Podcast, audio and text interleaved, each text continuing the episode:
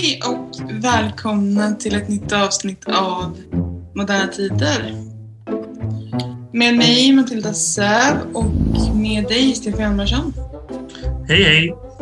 Hur är läget? Jo, det är bra. Det börjar bli höst. Det märker man framförallt på mörkret. Ja. Men det är väldigt pendling i, i temperatur. Ja. Det skiljer sig mycket mellan eh, morgon och dag och sådär. Det är en knepig tid just nu. Ja. Men vi går mot mörkare tider. På många sätt kanske. Ja, vi får se. Ja. Vi ska prata om vinkretsen idag. En hjärtefråga för dig.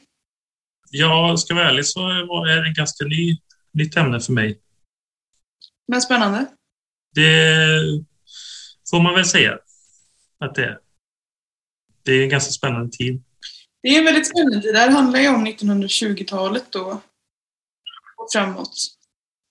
Och det består ju av en liten grupp människor, en diskussionsklubb kan man ju kalla det från början, Mm. som träffas i Wien. Och det är filosofer men också andra typer av vetenskapsmän som, eh, som träffas. Jag tycker det, hela upplägget det, det är lite trevligt. Eh, Man önskar nästan att man hade fått vara en del av det där. Man gör ju det.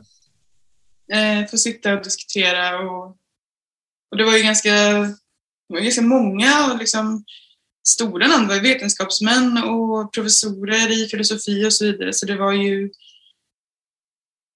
det verkade ju attraktivt på så sätt att få vara med i den här klubben. Mm. Men det var ju ganska utvald skara ändå. Absolut, absolut. Men var ska vi börja då? Den här berättelsen. Ja, vi kan börja med eh, formandet av själva kretsen. Ja. Då har vi ju filosofen och fysikern Moritz Schlick som är centralgestalt kan man säga. ja. Och han eh, tillsammans med en annan filosof som heter Carnap och en, eh, en filosof och sociolog, alltså Otto Neurath var väl de, de som var framstående. De, eh, de två senare tillsammans med Hans Hahn eh, skrev ju även det här manifestet som blev väldigt omdebatterat och eh, känt. Ja, jag förstår att han och Neurath hade haft någon slags mer informell inte, ja, möten tidigare, redan 1907 typ. Men sen hade de splittrats när de hade, de hade flyttat på sig och sånt till andra orter. Och sen kom man första världskriget och så vidare. Just det. Ja, men det, var, det, det här var ju alla personer som var... De hade ju mycket åsikter så att säga och de var inte alltid eniga om allt heller och det var det som var kul också att det, det var verkligen en diskussionsklubb. Men det, det, det blev ju att de, de stod för något mer sen och det blev en ganska stor rörelse. Mm. Och deras grundtanke var ju då att eh, allt, alltså en, en annan syn på filosofi och en, eh, en, en syn på att filosofin ska ha vetenskapliga metoder. Mm.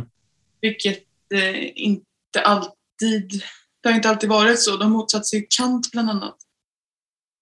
Kant menade ju att eh, det finns eh, kunskap som man eh, uppfattar med sina sinnen och så finns det det som de kallar för a priori-kunskap, det som eh, inte behöver någon erfarenhet för att kunna förstås. Logik är en sån sak till exempel. Att det, det, man förklarar det genom sin egen... Eh, det behövs inte att du ska titta på något eller lyssna på något för att förstå logik. Det är ju sant i sig, så att säga. Ja, man får ju säga också att det var ju något slags tvärvetenskapligt också på något sätt. Det var ju många olika eh, ämnesinriktningar som de var eh, verksamma i, de som var, deltog i det här. Ja, verkligen. Så var det ju. Fysiker, matematiker, filosofer. Nils Bohr från Köpenhamn var väl också, de har lite koppling till Norden. Mm. En del, men han var, för det var ju ganska många personer som också var på tillfälliga besök och som hade att göra lite med fast de var inte en del av ursprungskretsen så att säga. Nej, Wittgenstein var en sån person också. eh, ja, han kanske är den mest kända ändå. Ja, det är väl han som kanske är den, eh, det namnet man har hört i sådana fall, ja. Men han var ju också en väldigt, Wittgenstein var ju en väldigt stor inspirationskälla för han hade ju kommit ut med en bok som heter Traktatus Mm. och där han pratar om språket och att språket är eh, ja, ett mer eh, logiskt sätt att se på språket kan man väl säga utan att det blir för invecklat. Men han var ju en, en stor förebild för hela vinkretsen. Mm. Han hade skrivit den i skyttegravarna under kriget. Första världskriget. Ja. Mm. Kan man prata lite vad det är för samhälle som... Eh, Du, vi nämnde ju det att det var efter första världskriget. Ja, gruppen eh, bildas väl mer som formaliseras väl liksom 1924 då i Wien. Ja, eller 25 kan man också prata om. Ja, ja för de träffas på Boltzmannsgasse. Eh, heter det. Regelbundet. Och det är ju efterkrigstid då, efter första världskriget. Det glada 20-talet. Ja, och Österrike då som är, blir någon slags centrum för det här, eller Wien då, är ju ett land som har gått igenom en ganska stor förändring i och med eh, krigsslutet. Eh, första världskriget var ju ett krig som gjorde slut på imperium. Mycket, vi hade ju det Osmanska riket som drog sin sista suck, även om det har varit döende länge, och eh, Österrike, Ungern då som det kallas, det gamla österrikiska imperiet med Habsburgarna i spetsen. Satt ju ända fram till 1918. Men eh, det blev ju nederlag i kriget och eh, den upprorsstämning. Jag menar, vi hade ju flera revolutioner som kom ur kriget. Vi hade ryska först. Det tsarväldet tog slut och sen eh, eh, det som hände i Tyskland där kejsardömet föll och Österrike och Ungern där massa länder eller massa delar inom riket blev inspirerade av nationalism och ville bryta sig loss. Vi fick ju många nya stater efter alltså dels Ungern då, som blev en självständig stat, men även Tjeckoslovakien, delar av Jugoslavien. Polen var ju en, alltså, den moderna Polen är ju, var en del av Österrike-Ungern. Så blev- Polen blev återupprättad som stat efter första världskriget.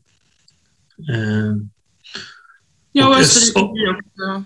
och Österrike blir ju från att ha varit ett väldigt stort land, blir väldigt litet, rent geografiskt ett väldigt litet land. En republik också efter första världskriget. Men som sagt, det verkar ha varit en eh, spirande intellektualism i, i Wien.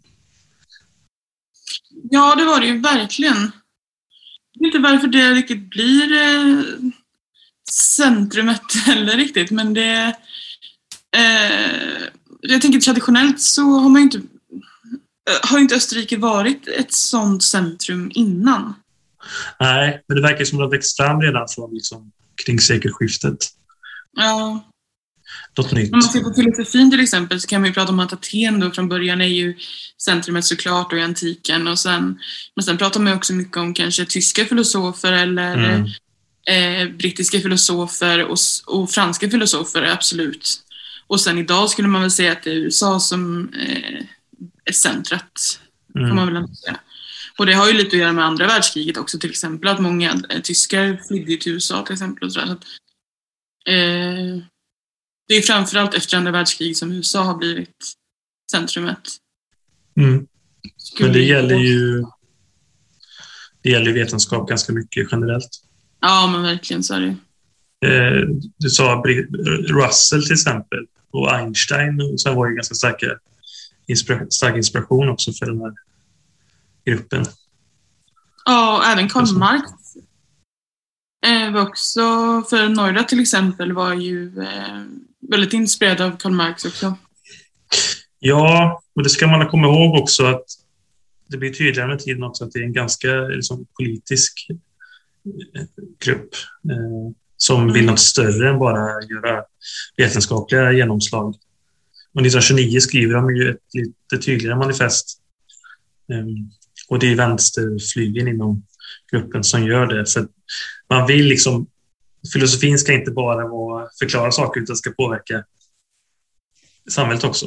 Ja, det ska påverka allting. Alltså hela, alltså, allt från liksom eh, barnomsorg till eh, väldigt stora frågor. Alltså det ska, det ska ju genomsyra hela samhället, liksom, som du säger. Mm. Och det är ju också, jag tänker om man drar till Marx, att det finns någon... Eh, eh, det finns någon slags eh, rationalitetstanke i det också. Liksom. Ja, det är väldigt mycket rationalitetstanke, tycker jag. Det är ju inte så mycket... Man verkar vara väldigt... Man verkar ju tycka väldigt lite om illa om eh, rena flummerier, om man ska säga. Eh, Verkligen. Om man kan förenkla det på det sättet. De gillar ju inte metafysik. Nej. Alltså frågor som kanske om eh, själen eller finns Gud eller sådana här saker. Det, och det är inte bara det att de inte att de tycker det är svårt att svara på det så, utan de ser det som nonsens. Eh, Alltså Mm. det, man ska inte ens eh, man ska inte prata om det överhuvudtaget. Liksom. Nej, men ateism och sånt kanske också var ganska mycket på, på frammarsch under tidiga 1900-talet. Jag tänker också att kriget också kanske också förstör, för, förstörde kanske mycket illusioner om Gud också. Ja, det är möjligt. Men det är kanske lösa spekulationer. Ehm, För att förklara det så, så myntar de ju det här greppet, eh, alltså verifierbarhet. mm, Som de ser då som en... eh, För det man söker är också, alltså vad, vad är meningsfullt? Och det är ju nästan... Det är ju en filosofisk fråga som har hängt med sedan urminnes tider. Eh, vad är meningsfulla satser då i, i motsats till nonsens? Så om metafysik är nonsens, så vad är det då som är meningsfullt? Och hur, hur, hur kan man komma fram till att någonting är meningsfullt? mm. Det är då de kommer fram till den här verifierbarhetstanken tanken då. Hur, hur fungerar den då? Jo, men den innebär ju då att, att eh, den ska kunna vara em- empiriskt eh, verifierbar helt enkelt. Alltså om, om det inte är så, så är det meningslöst. Ja. Och det går ju att jämföra med till exempel eh, falsifikationsprincipen eh, principen eller teorin att, eh, att om, om man har ett påstående så ska man kunna pröva det och det ska kunna visa sig vara falskt. Det är, så det är två olika typer av metoder då. Liksom. Men där det här, den här metoden som de tycker då är, är viktig. Men det är väl ganska likt naturvetenskaplig empirisk undersök undersökning. Ja, precis. Och det är det de vill då. De vill att, eh, som vi sa, att liksom filosofin ska vara ska vara som naturvetenskapen. För det är också det som är... Man kan ju jämföra med andra, alltså humaniora-ämnen, alltså Mm. där man pratar mycket om hermeneutik till exempel. Alltså tolkning och, och att kunna tolka utsagor. Liksom. Och det är det de, det, det tycker ju inte de om heller, utan de vill ju att eh, vetenskap och filosofi ska vara som naturvetenskap. Mm. Och att alla ämnen ska vara som eh, naturvetenskapen. Mm. Så det är en slags ädelt, eh, ädelt med naturvetenskapens metoder. Det är liksom en rena, eh, rena metoder där man, eh, man ser någonting och sen så kan man då verifiera att, eh, att det är så. Det är en ganska binär eh, vetenskapssyn, får jag säga. Ja, det får man ju säga. Ja. Den ger inte så mycket utrymme för lite mer spirituella idéer kanske. Nej, Samtidigt så kanske det är svårt att liksom, vad är vetenskap och inte. Det är väl en, en ständig fråga. Ja, verkligen. Men det var också, de pratar ju snarare då kanske om musik eller om eh, måleri och sådana saker, att där kan man då få ut sin, sin spirituella sida då eller eh, prata om något mer abstrakt då. Eh, men det ska inte finnas inom eh, vetenskapen. Mm. Så, så det, där gör de då den här stora skillnaden. Men det är inte så att de, att de hatar allt som är spirituellt på det sättet. Liksom. Nej, men de menar på att det har inte med vetenskap att göra. Nej, precis. Det har inte med vetenskap att göra. Men estetik och sånt då? Det, då måste man kunna liksom pröva att någonting är, är vackert. Eller om du hör ett musikstycke. Det skulle man säkert kunna göra med modernare vetenskap i och för sig. Alltså när man kanske kan mäta hjärnverksamhet och sånt där. Om du upplever någonting. Ja, det är ju jättespännande. Ja. Jag vet inte exakt hur de ställer sig till estetik. Nej, men jag tänkte mer bara som en, eh, en tanke, en diskussion. En öppen diskussion mer om hur, hur man skulle kunna spekulera i hur de tänkte kring det. Utifrån den idén då om vetenskap. Ja, vad skulle du säga att estetik är då? Ja, estetik är väl läran om det sköna eller liksom vad som är objektivt vackert eller kvalitet eller ja, kvalitet är kanske trubbigare i och för sig. Men eh, om du ser ett konstverk kan man objektivt kan man prata om objektiv konst eller är allt alla konster blir subjektiva? Stora frågor. Ja, verkligen. Men de kanske inte ägnar sig så mycket om kring de idéerna. Jag vet inte vilka, filos- vilka stora filosofer... Aristoteles var väl inne mycket på konstformer och sånt där. Men, Ja, Aristoteles var ju också en allfilosof, eller en allvetenskapsman på ett sätt som nästan ingen har varit efter honom. Man får säga att Platon var det också, men framförallt Aristoteles var ju det. mm, Och sen har man ju delat upp, och det är det som eh, Kant också gör i det här med analytisk filosofi och kontinental filosofi. mm, Och eh, kontinental filosofi eh, har ju mer då eh, estetik i sig, så att säga, med, med flera ämnen. Men Mm. vinkretsen sysslade mest med analytisk filosofi. Idag, I Sverige har vi delat upp det i praktisk och teoretisk istället. mm. Och de skiljer sig lite grann. Eh, men man kan säga ungefär att kontinental är, ja, det är mer som praktisk i alla fall då. Ja, praktiskt är väl om man ska liksom vara, försöka förenkla så är väl att man, man kan ta på lite mer kanske. Alltså mer liksom, kanske lite mer jordnära frågor. Alltså et, etik och eh, Etik, politisk filosofi, ja, religionsfilosofi, ja, eh, också rättsfilosofi. Teoretisk filosofi kan man är ju kanske lite mer sådär eh, abstrakt. Abstrakta frågor. Ja. Även om det är klart det andra också är abstrakt. Klart. Alltså etik är inte så att man bara kan säga att vad som är vad. Men eh, Nej. Jag tänk- tänker till exempel i en teoretisk filosofi så, så läser man ju logik också och logik är ju Mm. väldigt eh, icke-abstrakt på ett sätt. Det är ju mer som matematik nästan. mm. Fast Medans- matematik kanske är abstrakt. Ja, ja det beror på hur man... Allt är väl abstrakt kanske. Ja, men inom logiken finns det ju väldigt tydliga lagar i alla fall. Ja, det är sant. Fast inom etik så kan det ju vara väldigt... Eh, det finns ju inget rätt och fel inom etik. Nej, inte, inte, inte, inte, inte så att man kan liksom räkna, räkna ut det.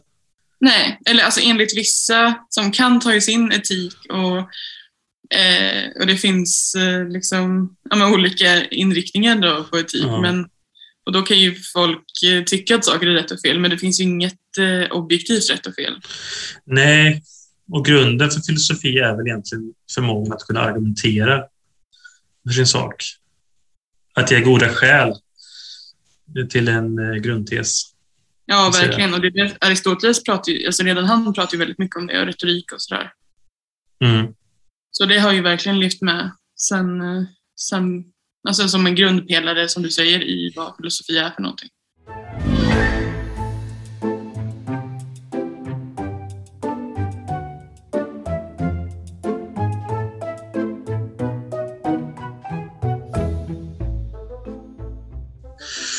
Men eh, om vi ska tillbaka till Wien då och 20-tal. Mm. Det är ändå på Eh. upptakten där då, eller det är mellan krigstiden där, så det kommer ju ett krig till sen som de dras in i. Ja, de gör väl det mer eller mindre kan man säga. Men eh, det känns ju som att den här tiden där, början på 20-talet, åren efter kriget, så är det ju... Alltså, första världskriget är på ett sätt det mest fasansfulla mänskligheten har upplevt då hittills. Um, och, och, många tänkte nog att det var urkatastrofen, va? men också kanske katastrofen som skulle visa att meningslösheten i krig. Och eh, att nu var det fred som gällde och det fanns möjlighet att bygga upp en helt ny värld, tänker jag. Ja, det var ju det glada 20-talet. Ja. Som man pratar om. Och Berlin framförallt var väl en, Berlin som ändå ligger nära Wien, blev ju ett väldigt stort centrum för eh, någon slags utlevnad och ja. där, det, där man verkligen hade mycket glädje, så att säga. Ja, men det var väl också bakom en fasad mycket. Jag tänker att i början så var det ju mycket, kanske mycket hopp om att kunna, hopp om en ny värld. Men jag tänker också att vinkretsens idéer om att kunna forma en ny värld kanske hängde ihop också med den tiden de var i, menar jag. Ja. Just att liksom filosofin, vetenskapen skulle kunna skapa ett bättre samhälle. Det gick i den andan, ja. Ja. Sen kan man ju säga att 20-talet var ju inte så kanske härligt som det framställs ibland. Eller det framställs inte så, men det kanske det var en fasad man byggde upp på den tiden. Eh, för att kanske dels försöka glömma det som var väldigt nära i tid, all död, all skada, alla liksom, soldater som kom hem nervskadade från kriget. Men samtidigt så pågick det ju eh, ganska mycket dåliga saker. Det var mycket politisk instabilitet i många länder. Det var ekonomiska problem, inte minst i Tyskland. Ja, för det blev väl inbördeskrig även i Österrike, va? så det var inte så stabilt heller. Nej, fast inbördeskriget i Österrike är ju väldigt kort, det pågår bara några dagar. Och det är senare, 1934. För det är en maktkamp i Österrike. Man kan säga att Österrikes utveckling liknar ganska mycket Tyskland på ett sätt. I alla fall liksom den politiska utvecklingen. För eh, man har ett parti som eh, dominerar politiken väldigt starkt under 20-talet och början på 30-talet. Eh, och det är Kristligt sociala partiet, kallades det. Och det var ett liksom konservativt parti som var ganska kopplat till eh, katolska kyrkan, Österrike är ett katolskt land. Och de liksom var väldigt, eh, hade regeringsmakten väldigt mycket då, men samtidigt så pågick det strider mellan eh, högerextrema och eh, vänsterextrema kan man säga. Mycket. Det fanns liksom eh, paramilitära trupper och sånt där eh, på båda sidor. Så det liknar ganska mycket liksom det som kom på Tyskland, alltså det här med SA och även kommunisterna i Tyskland hade ju eh, liksom paramilitära trupper. Så det var på något sätt så är det ett inbördeskrig som man balanserar mot inbördeskrig ganska mycket då antagligen. Ja. Eh, men däremot så kan man säga att hur instabilt är det under 20-talet och det, när det, de ska ändå anpassa sig till en helt ny, en helt ny stat nu ju. Ja. Jo, det verkar som att det är lite både och då, att det finns ett väldigt parti som är väldigt, väldigt populärt då, eh, men samtidigt så finns det någon liksom, eh, motvilja eller liksom, det finns en oro under ytan hela tiden eftersom det pågår liksom mycket demonstrationer och, och våld eh, från de här ytterkanterna. Liksom. Och det är egentligen inte på 30-talet som det liksom demokratin, precis som i Tyskland, hotas på riktigt. Och eh, man blir alltså det är en man som heter Engelbert Dolfus som eh, utnyttjar ett svagt parlamentariskt läge och eh, lyckas på något sätt sätta parlamentet ur spel och styr sen via dekret landet tillsammans med presidenten eh, Wilhelm mm. Miklas. Detta var 1933 Det är alltså sam, samma år som Hitler tar makten. Och hur påverkas Österrike i början när Hitler har tagit makten? Nej, det verkar inte vara så mycket. De distanserar sig ganska mycket från Tyskland Mm. till en början. Och eh, man är mer inspirerad av eh, Italien och Mussolini. Fascismen. Eh, Som i många länder var då. Mussolini Ja, var även Hitler hade ju väldigt Mussolini som förebild. förebild. Ja. Men det finns något som kallas austrofascism. Och det en slags österrikisk variant av fascism som den här eh, Dolphus eh, skapar. Eh, och hans parti kallas Fosterländska fronten. Och de, eh, ganska, de verkar liksom vara lite o- mer, mer oroliga för Tyskland på ett sätt, för de, eh, eh man motverkar nazister och sånt där ganska starkt. Och eh, 1934 då sätts liksom parlamentet helt ur spel. Och eh, och det är då det blir inbördeskriget igen. ja, det är tydligen socialdemokrater då som har någon slags paramilitära styrkor som krigar mot regeringens styrkor under några dagar. Men regeringen vinner. Och sen eh, i maj så blir man liksom en eh, kooperativ diktatur. Och man blir liksom eh, av fascistisk art och man förföljer både kommunister och eh, nazister och alla möjliga.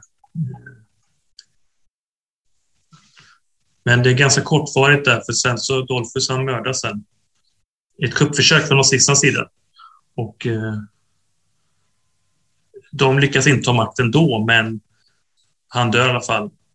Och sen eh, efterträds han av en som heter Kurt Schuschnigg. Är nazisterna stora då? Alltså, de har väl stöd troligtvis då från Tyskland och Tyskland har ju, Hitler har ju en ambition av att Österrike ska införlivas i, Öst- i, i Nazityskland, eller Stortyskland så att säga. Ja. Österrike är ju, blir en del av Tyskland redan 38, ganska oblodigt så att säga. Eh, man kan säga att det som hände mellan 34 och 38 är att Mussolini och Hitler närmar sig varandra. De, har, de är ganska avståndstagande från varandra från början. Hit- Mussolini är visserligen en stor förebild för Hitler som vi sa, men eh, Mussolini verkar ju inte så imponerad av Hitler. Sen så under de här åren så närmar sig de här två varandra successivt. Och Österrike ligger ju liksom mellan Italien och Tyskland. Så eh, då blir de liksom en bricka i spelet. Så till slut så måste ju den här austrofascisten lämna över till nazisterna. Ja, han förstod eh, direkt då att det, det är något som måste. Alltså den 11 mars tar nazisterna över i Österrike. Den 12 mars tr- tågar nazityska trupper in i landet. Och då är Mm. Anschluss genomfört. Eh, Väldigt Men odramatiskt. det är ju, det, det är, man kan säga att de invaderar Österrike då. Ja, fast det är, ju som, det, är, det, det är ju inte så att det finns någon fientlig... Utan det är ju så här, kom in här. Ja. Och sen så är ju liksom anslutningen är klar redan den 12 mars. Så antagligen har man ju liksom förhandlat om detta tidigare med nazisterna i Österrike. Så det är bara en formsak egentligen. Och klart för, för Hitler som ju också var österrikare i grunden så var det självklart en, en, en stor grej att Österrike blev... Anslutet. Ja, Mm. men det är ju precis som i Tyskland, där på 30 så blir det ju väldigt otäck stämning i Österrike och det drabbar ju väldigt mycket kretsen. Ja, det gör det kan ju. man säga. För de är ju inte riktigt på den sidan, på den politiska sidan. Nej, verkligen inte. Och de tvingas ju att eh, upplösas. Det Ja. upplösas ju helt. Moe Schlick mördas ju väldigt tragiskt av eh, en före detta student. Ja. Ehm, de, det finns väl, alltså, precis som i Tyskland så är det ju också liksom, en mer och mer eh, ohämmad antisemitism som får utlopp Ja. och sprids även på universiteten väldigt starkt.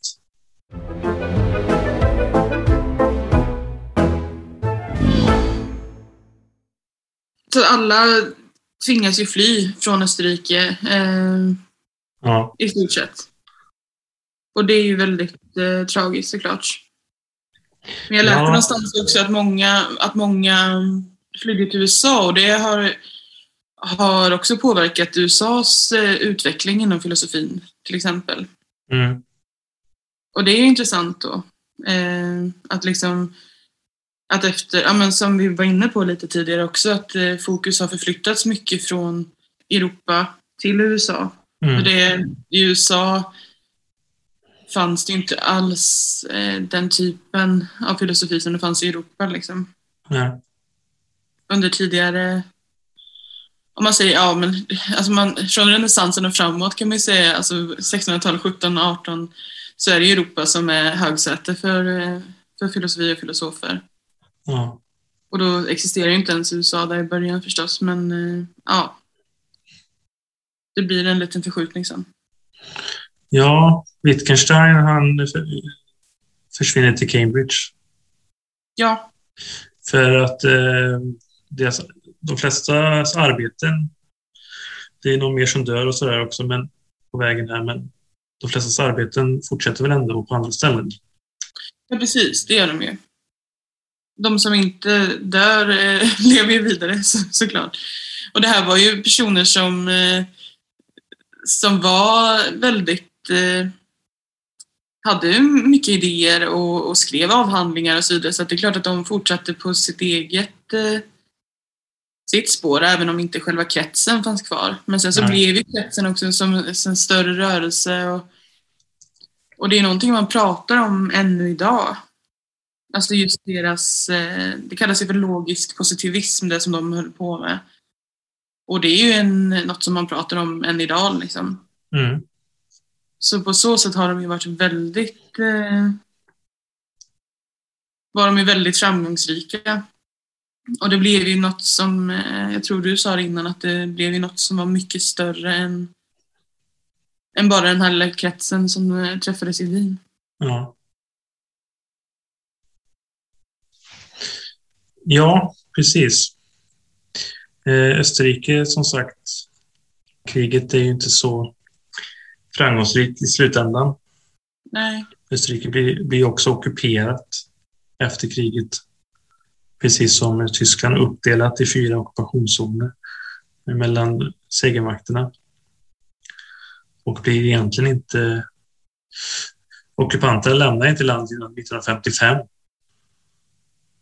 Eh, Så egentligen så kan man säga att Österrike återfår sin självständighet först då. ja, Och då blir man neutralt land och sådär. Precis som Sverige. Om man inte är med i NATO nu heller. Men hur ska vi sammanfatta det här kring kretsen?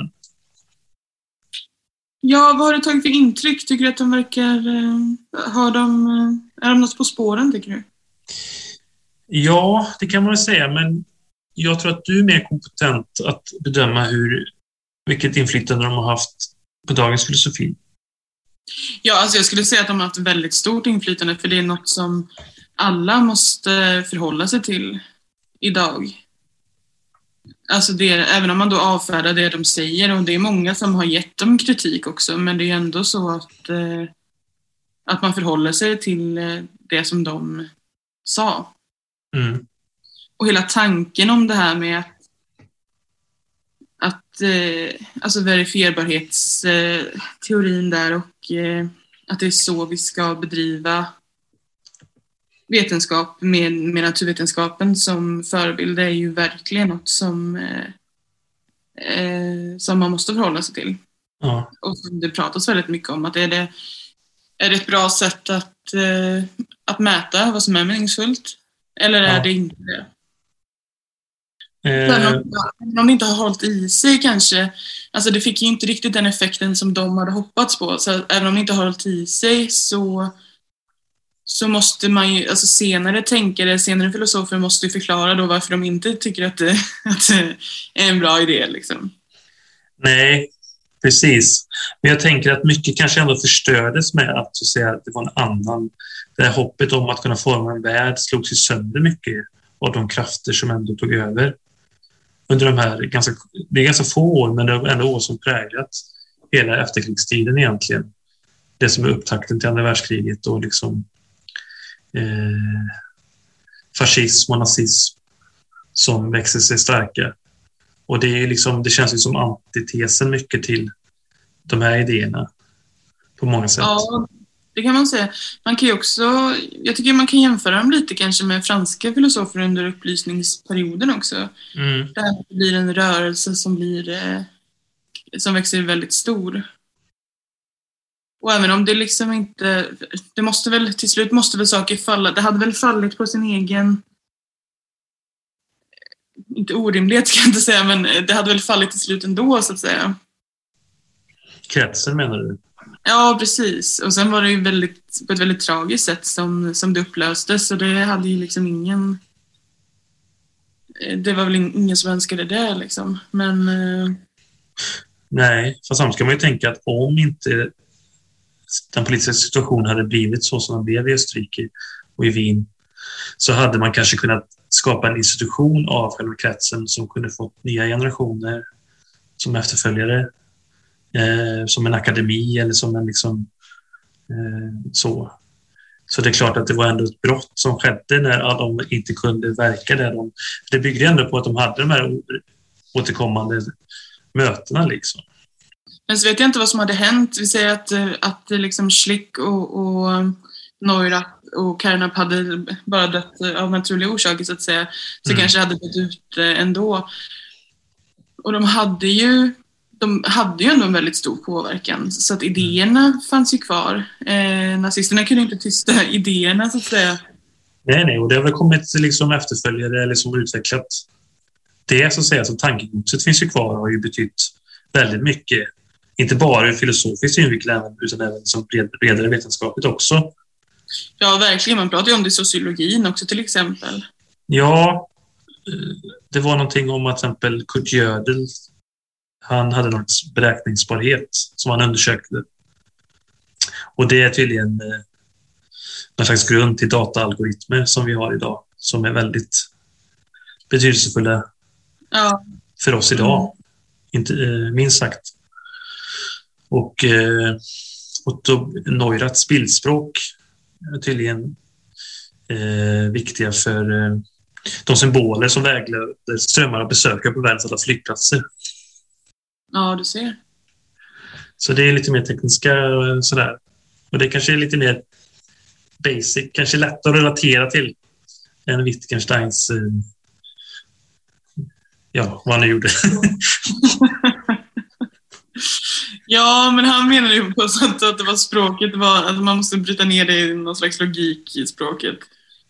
Men jag tänker Eh. för språkfilosofi känns det också som att det har blivit ganska hett alltså de senaste decennierna inom filosofin. Ja, Och jag verkligen. vet inte om det är ett arv av Wittgenstein också då.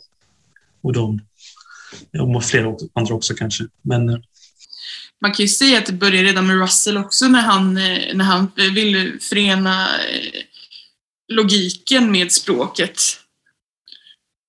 För ingen har ju pratat om logik sedan Aristoteles i stort sett och sen är det ju han som börjar prata om, eh, om logik i språket. Och tar liksom upp hela den saken igen och då blir det ju väldigt eh, intressant och han startar ju verkligen någonting där som, eh, som växer sig stort. ja. Men sen är det väl så också att eh, språket är ju, är ju en ganska central del inom filosofin. Mm. Och en av de få sakerna som finns kvar som man kan syssla med inom, alltså som filosof. Mm. Det är ganska tacksamt också att, att eh, syssla med språkfilosofi för det eh, språk är ju det måste vi alla förhålla oss till så att säga. Men skulle du säga att Wittgenstein är den kändaste karaktären? Det sa vi kanske redan innan. För jag tänker att Wittgenstein kanske är ett namn som vissa kanske känner igen många, men det är få som kanske riktigt vet vad han eh, pysslade med. Om man inte har sysslat med filosofi. Då. Ja, Ja. det skulle jag nog säga att han är. Eh, och det roliga med Wittgenstein är ju också att, han, han skriver den här traktatusen, boken, han är ganska ung då. Och sen så drar han sig, förutom då han har lite kontakt med, med vinkretsen och så, men som, eh, som sagt så var han ju aldrig en del av vinkretsen. Nej. Utan ville ju leva ett ganska stilla liv. Eh, Ja, han lämnade väl akademin. ja, Och han ville som vanlig lärare han, ja, han, var, han ville inte vara en del av det längre. Men lockades tillbaka ändå. Ja, precis. Och, och sen då på, på um, många, många år senare så skrev han ju filosofiska undersökningar som gavs ut postumt också efter hans död. Där han säger emot allting som han har sagt då när han är ung. Så han, han liksom vänder totalt på hela sitt argument och säger att nej men så här är det inte alls. Det, det finns inte alls eh, någon logik i språket och det är inte någonting som är eftersträvansvärt heller. Nej. Utan språk handlar snarare om eh, alltså, eh, eh, relation till varandra. Eh, ordens relation till varandra och sådär. Så att det är väl det som han också är så känd för, att man, man kan nästan prata om tidiga Wittgenstein och sena Wittgenstein som två olika personer. Ja. Att man kan, in, man kan inte tro att det är samma människa som kan skriva så. Eh, och båda verken har ju också blivit eh, så inflytelserika också. Och det är ju det som är intressant också då, Verkligen. just med Wittgenstein. Men han är väl självklar i en 1900-talskanon. Ja, det är han ju. Han är ju mycket omtalad och eh, Alltså de andra namnen var ju ganska nya för mig i alla fall. Eller helt nya. ja, de är inte lika kända. Jag skulle säga att eh, österrikiska filosofer också är inte det är inte det första namnet man tänker på. Men det var ju också att för eh, Karl Popper eh, känner man igen. Mm. Men han var ju tydligen knuten. Han var ju tydligen inte med, alltså han var inte med på möten. Han var tydligen kopplad på något sätt till kretsen i alla fall. Man kan väl säga att han är lite som Wittgenstein, att han, eh, han var med ibland. Mm. Vilket ganska Jo. många var. Jag förstår att han inte deltog på möten och sånt, så jag vet inte riktigt hur han var kopplad. Men eh, Det finns en till eh, känd filosof som heter Willard van Orman Quine som är Mm. också en väldigt känd eh, och inflytelserik filosof från 1900-talet. mm, Som också hade någon typ av koppling. Alltså man kan säga att alla, alla som var verksamma hade väl någon typ av koppling nästan till vinkretsen. för Det var så stort. Även om man inte då var en eh, var med på alla möten eller var en del av den inre eh, cirkeln så att säga. och sen var det väl det här att eh, som en, ja, det är ju, rolig kuriosa är ju, är ju fel ord egentligen, men det var ju så att Hitler och Wittgenstein var skolkamrater. Ja, precis. Mm, gick lite olika vägar i livet sen. Ja, det får man ju säga. De är födda samma år, 1889. Hitler såg väl inte med så blida ögon på Wittgenstein precis. Nej, men eh, det var nog inte så lätt att vara akademiker. Kanske, eller var det de som, jag tänker på en sån som Heidegger, så som verkade mer följa strömmen. Ja, jo, det kan man säga. Ja, Verkligen. eller han var väl, det har väl kommit fram även på senare att han var ganska övertygad nazist. Egentligen. Han skyllde väl att han var tvungen på något sätt att som rektor på universitetet. Ja, men det gjorde väl å andra sidan väldigt många som... eh, Jo, men jag fattar som att det var dagböcker som publicerades. Att man, var, att man liksom tvingades in i någonting eller sådär. Jo, jo, men för att så på Heidegger var det ganska mycket skitsnack. Det, ofta var det också en efterkonstruktion av många. Ja, jag menar det. Och, eh, Nej, men Heidegger var ju en väldigt problematisk person. ja, men det kanske kan bli framtida avsnitt. Ja, varför inte? Det är spännande där. Hur liksom det här med, för Heidegger verkar också vara en väldigt viktig filosof på 1900-talet. Ja, hur, hur, hur man kan friställa En en person från sin, så att säga, om man har haft den här liksom kopplingen till väldigt mörka krafter, politiska krafter. Ja, precis. Verkligen. Men han är en av de viktigaste. Men det är väl lite man kan prata, alltså så här. Man, man kan skilja verk, verk från person eller och så Mm. vidare. Man kan prata om Wagner också till exempel. Mm. Ju, och så där. Jag tänker, men jag tänker ändå filosofi kan ju tänka ändå att det kanske är lite djupare och då kanske liksom, jag vet inte hur mycket man kan friställa eh, politiska uppfattningar. Eller det kanske man aldrig kan vetenskapligt, jag vet inte egentligen. Men det är också en lång diskussion. Ja, det är det ju. Fast jag skulle inte säga heller att det måste spegla ens personlighet eller ens politiska övertygelse. Det kan ju göra det. Kanske mer om man är moralfilosof eller så. Ja, precis. Då kan det ju vara så. Men skriver du en avhandling om, om språkfilosofi till exempel så behöver inte det eh, vara kopplat till din politiska övertygelse. Nej. Det, det, det är kanske svårare. Det blir en lång diskussion om man ska Ja. eh, försöka koppla det. Men det beror väl lite på hur man ser på, på vad, vad filosofer har för roll också kanske. Om man ser dem mer som eh,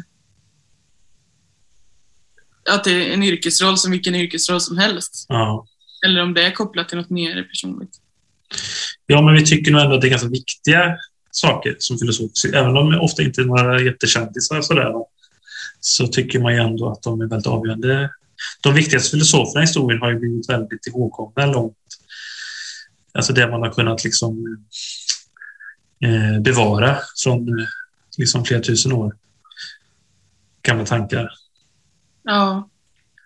Det är Verkligen. ändå präglat även liksom, eh, eftervärlden väldigt starkt. Känns ju som. Samtidigt vet man ju inte. Det kanske fanns massa andra idéer som inte är bortglömda i och för sig. Va? Det vet man inte. Ja, och det vet jag, för jag pratade ju också om tidigare att, att så här, eh, Europa är centrumet för filosofi också och så, men man får inte glömma att det, liksom, det har funnits jättemånga filosofer i Asien till exempel Mm. också. Och så där. Vi har ju också en väldigt, eh, en väldigt riktad blick härifrån också. Eh, och i Europa fokuserar vi väldigt mycket på europeiska filosofer och det är ju tråkigt. Ja.